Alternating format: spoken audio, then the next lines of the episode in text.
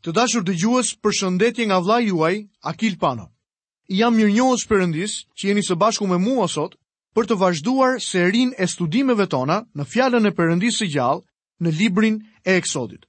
Ju kujtoj që në mësimin e kaluar kemi folur për kapitullin e 29 dhe fillimin e kapitullit të 30 të librit të Eksodit. Në studimin e sotëm, neve do të fillojmë të lexojmë në kapitullin e 30 të librit të Eksodit, nga vargjet 25 e poshtë. Me këto do të përgatitësh një vaj për vajosjen e shenjtë, një parfum të prodhuar me artin e parfumierit. Ky do të jetë vaji i vajosjes së shenjtë, Me të do të vajosësh çadrën e mbledhjes dhe arkën e dëshmisë, tryezën dhe të gjitha veglat e tij.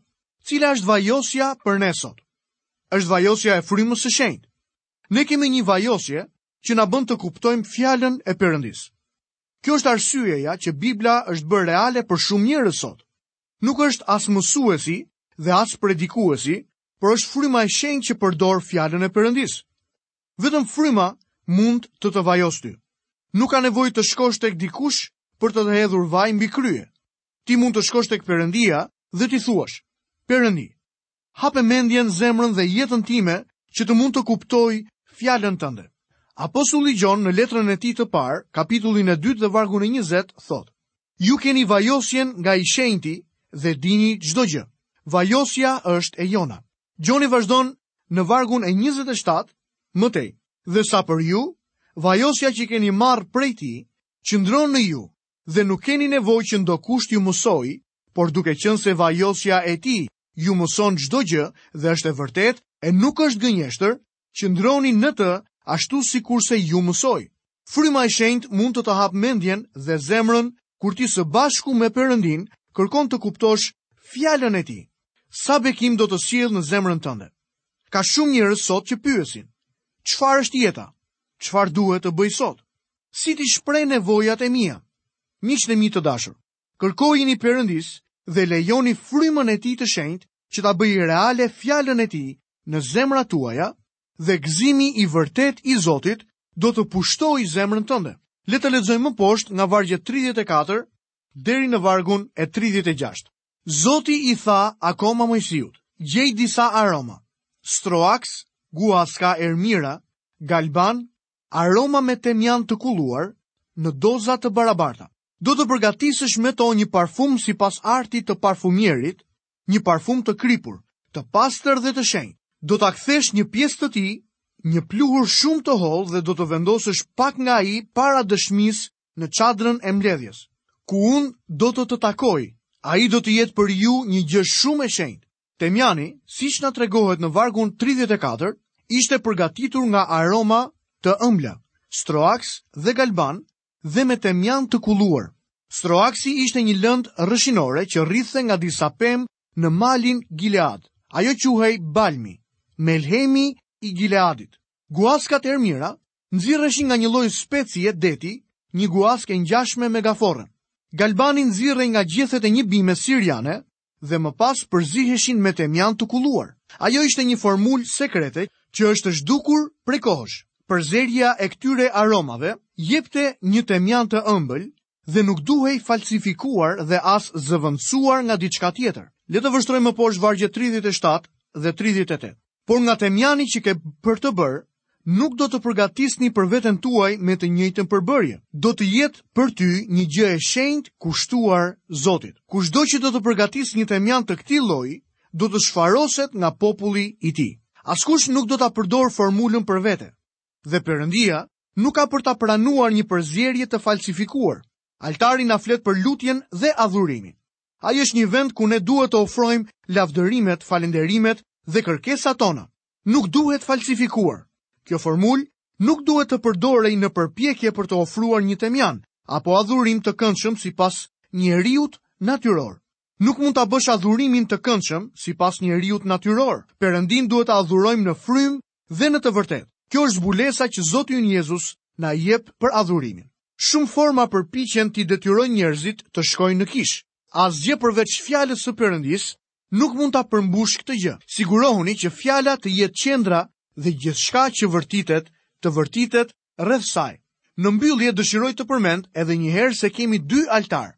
Altari i olokaustit është vendi ku Perëndia merret me mëkatarin. Ai flet për tokën dhe mëkatin e njeriut. Altari i Temjanit flet për qiellin dhe shenjtërinë.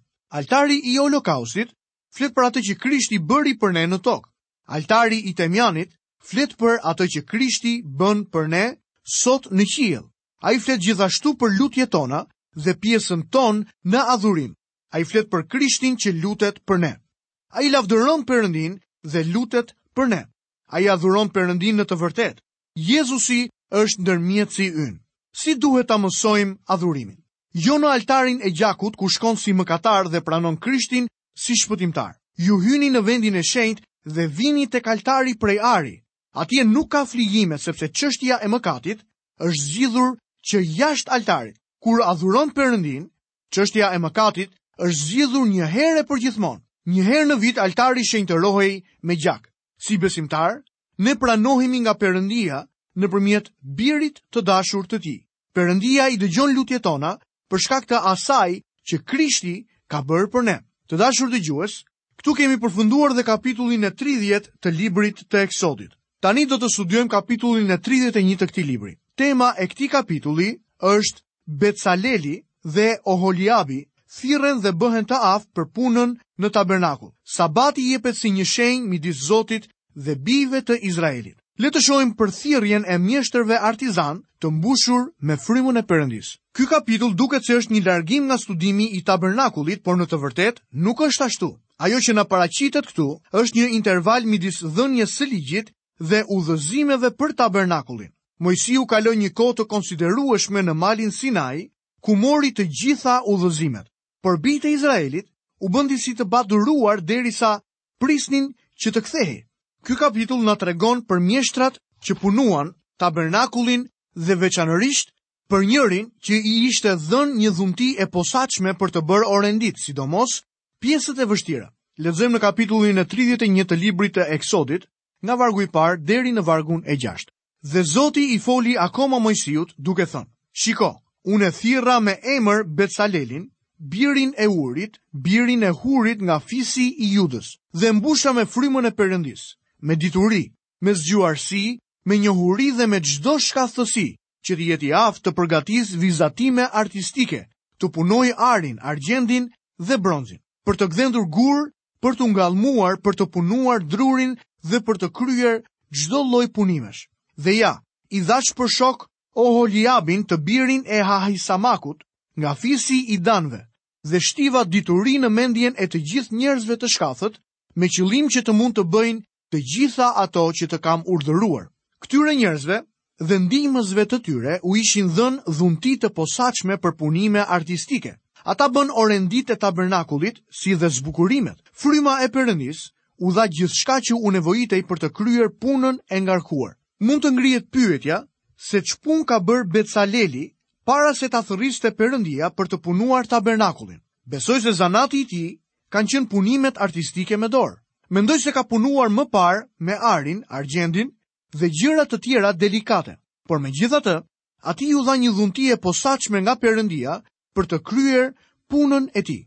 Mendoj se një njeri duhet t'i bëjë gjithmonë gjërat për të cilat ka talent. Bën përjashtim rasti kur Perëndia ia bën më se të qartë se duhet të merret me diçka tjetër. Në ditët tona kam parë shumë njerëz që nuk janë folës të mirë, e prapëseprapë dëshirojnë që të jenë folës në publik. Njoh shumë mirë njerëz të zakonshëm që dëshirojnë të jenë folës të famshëm, megjithëse nuk janë aspak të talentuar. Nuk kanë as grimcën më të vogël të dhuntisë së të folurit e megjithatë, me kokëfortësi vazhdojnë të flasin. Ndërkohë që çojnë dëm dhuntitë e tjera që zotërojnë. Njoh një teknik në radio që është ekspert në atë që bën, por dëshiron të jetë edhe folës. Ai ka një dhunti të veçantë dhe mendoj se duhet të kufizohet në atë dhunti që Perëndia i ka dhënë. Kur kam qenë pastor në Nashville, një prej dhjakëve të kishës erdhi tek unë ditën e parë që mbërrita dhe më kërkoi që të mos i kërkoja të dilte përpara gjatë kohës së lutjes. Më tmerron për vdekje, kam frikë të dal para shumë njerëzve, më duket se nuk e mposht dot këtë frikë. Duhet të jetë anormale, por dukem si idiot sa herë që përpiqem të flas në publik, tha ai. Ky njeri ishte administratori i një kompanie tramvajesh dhe kishte një pozicion drejtues, por më rrëfeu se nuk ishte në gjendje të mbante ndonjë fjalim të kuptueshëm para çfarëdo publiku që të gjendej. Ai më tha se ishte i gatshëm të ofronte ndihmesën e tij për çfarëdo nevoje në kishë. Si përfundim, zbulova se ai ishte një ndihmës i jashtëzakonshëm dhe gjithmonë i gatshëm për të ofruar ndihmën e tij. Para se të largohesha nga ajo kishë, e falenderova Perëndin që ai njeri nuk kishte dhuntinë e të folurit në publik, pasi kjo e bëri të ishte më besnik në dhuntinë që Perëndia i kishte dhënë. Becaleli duhet të ketë qenë si shumë njerëz të zakonshëm sot. Ai mund të jetë përgjigjur. Shiko Zot, unë dua të vesh rrobën priftërore si Aroni. Dua të të shërbej ashtu si ai, por Perëndia ia ktheu. Ti nuk do të më shërbesh kështu. Në një farë mënyre, dhuntia e këtij njeriu ishte më e rëndësishme se dhuntia e Aronit. Dhuntia e tij ishte thelbësore për ndërtimin e tabernakullit. Perëndia do të të japë ty një dhunti, miku im, e cila do të zhvillojë më tej talentet që ke. Perëndia na jep talente dhe dëshiron që t'ia kushtojmë atij. Le ta lejojmë frymën e shenjtë të na marrë e të na përdorë. Ne nuk kemi të gjithë dhunti dhe talente të njëjta. Ka një përshtypje të gabuar që qarkullon në kishë sot, se nëse nuk je në gjendje të këndosh në kor, të japësh mësim në kishë, të flasësh në publik apo të jesh shërbëtor, je pak a shumë jashtë loje. Mendoj se ka me qindra dhunti që Perëndia u jep njerëzve për t'i shërbyer atij. Është individi ai që përcakton se cila është dhuntia e tij. Çfarëdo dhuntie të të ketë dhënë Perëndia, ai dëshiron që fryma e Perëndisë ta marrë e ta përdorë për shërbimin e tij. Le të shohim më poshtë ditën e sabatit, e cila bëhet një shenjë. Në këtë kapitull ka edhe diçka tjetër që paraqet një interes dhe rëndësi të veçantë për t'u vënë re. Ka të bëjë me sabatin. Kjo është diçka që shumë njerëz e kapërcejnë. Dita e sabatit iu dha njeriut menjëherë pas krijimit dhe është respektuar gjithandej. Kur arrijmë tek sistemi i Moisiut, shohim se Perëndia e bën atë një nga dhjetë urdhërimet për bijtë e Izraelit. Në këtë kohë, Perëndia e bën të qartë se Sabati është vetëm për bijtë e Izraelit. Le të lexojmë vargjet 12 dhe 13. Zoti i foli akoma Moisiut duke i thënë: Fol edhe me bijtë e Izraelit duke u thënë: Tregoni kujdes të madh për të respektuar të shtunat e mia, sepse është një shenjë midis meje dhe jush për të gjithë brezat tuaj, në mënyrë që të njihni se unë jam Zoti që ju shenjtëron. Sabati u dha në mënyrë specifike për bijtë e Izraelit. Nuk besoj se iu dha kishës. Kur dikush më pyet, kur u ndryshua sabati, i përgjigjem se nuk është ndryshuar asnjëherë. Sa për kishën, është shfuqizuar. Ne nuk jemi më nën pushtetin e sabatit që është dita e shtunë. Ne nuk i përmbahemi të shtunës. Jezusi ishte i vdekur në atë ditë dhe ne nuk i shërbejmë një krishti të vdekur. Në ditën e parë të javës, Jezu Krishti u ringjallë së vdekuri. Kisha është takuar në ditën e parë të javës që nga fillimi. Kjo është edhe koha e lindjes së kishës. Rrëshajat ishin në ditën e parë pas sabatit. Sabati iu dha si fillim gjithë njerëzimit, por njeriu u largua nga Perëndia dhe Perëndia e dha sabatin ekskluzivisht për Izraelin. Lexojmë vargun e 14. Do të respektoni pra të shtunën, sepse është për ju një ditë e shenjtë. Kush e përdhos atë do të dënohet me vdekje. Kushdo që bën atë ditë ndonjë punë, do të shfaroset nga gjiri i popullit të tij. Do të doja të pyesja ata njerëz që pretendojnë se respektojnë të shtunën, nëse e respektojnë gjithmonë. Po ata që nuk e respektojnë të shtunën, a shkojnë në vdekje siç e kërkon ligji? Lexojmë më poshtë vargun e 15. Do të punohet 6 ditë, por dita e 7 është e shtuna, e shtuna e pushimit, e shenjtë për Zotin. Kushdo që do të bëjë ndonjë punë ditën e shtunë, do të dënohet me vdekje. Nëse dikush gjendej duke mbledhur shkarpa të shtunën, në Izrael vritej me gurë. Lexojmë vargun e 16 dhe të 17. Andaj të gjithë bijtë e Izraelit do ta respektojnë të shtunën, duke e kremtuar atë brez pas brezi, si një besëlidhje të përjetshme. Ajo është një shenjë e përjetshme midis meje dhe bijve të Izraelit, sepse në gjashtë ditë Zoti bëri qiellin dhe tokën dhe ditën e shtatë u shlodh. Kjo pjesë shprehimisht thotë se bijtë e Izraelit dhe jo kisha duhet të respektonin sabatin. Izraelitët janë një popull tokësor që i përkasin krijimit të parë. Kisha është një krijim i ri dhe iu dha një ditë e re për të respektuar Dhe kjo është dita e parë e javës. Këtu kemi përfunduar dhe studimin tonë mbi kapitullin e 31 të librit të Eksodit. Tani do të fillojmë studimin tonë mbi kapitullin e 32 të këtij libri. Tema e këtij kapitulli është viçi i artë, ligji i shkelur, ndërmjetësimi i Moisiut. Ky kapitull paraqet një tragjedi për bijtë e Izraelit, e megjithatë, po këtu shohim një nga mësimet dhe zbulesat më të rëndësishme të Perëndisë sonë. Në të njëjtën kohë, ky është edhe një prej mësimeve më themelore në Bibël për lutjen. Do të lexojmë në kapitullin e 32 të librit të Eksodit, vargun e parë.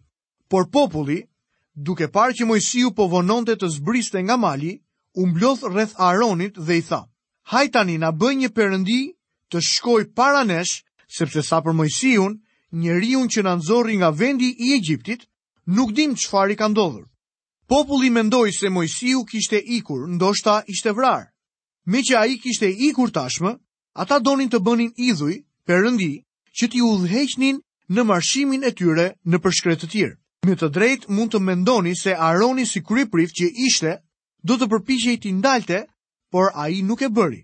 Aroni u bashkua me liberalizimin e njerëzve që donin të ktheheshin sërish në idhujtarinë e tyre.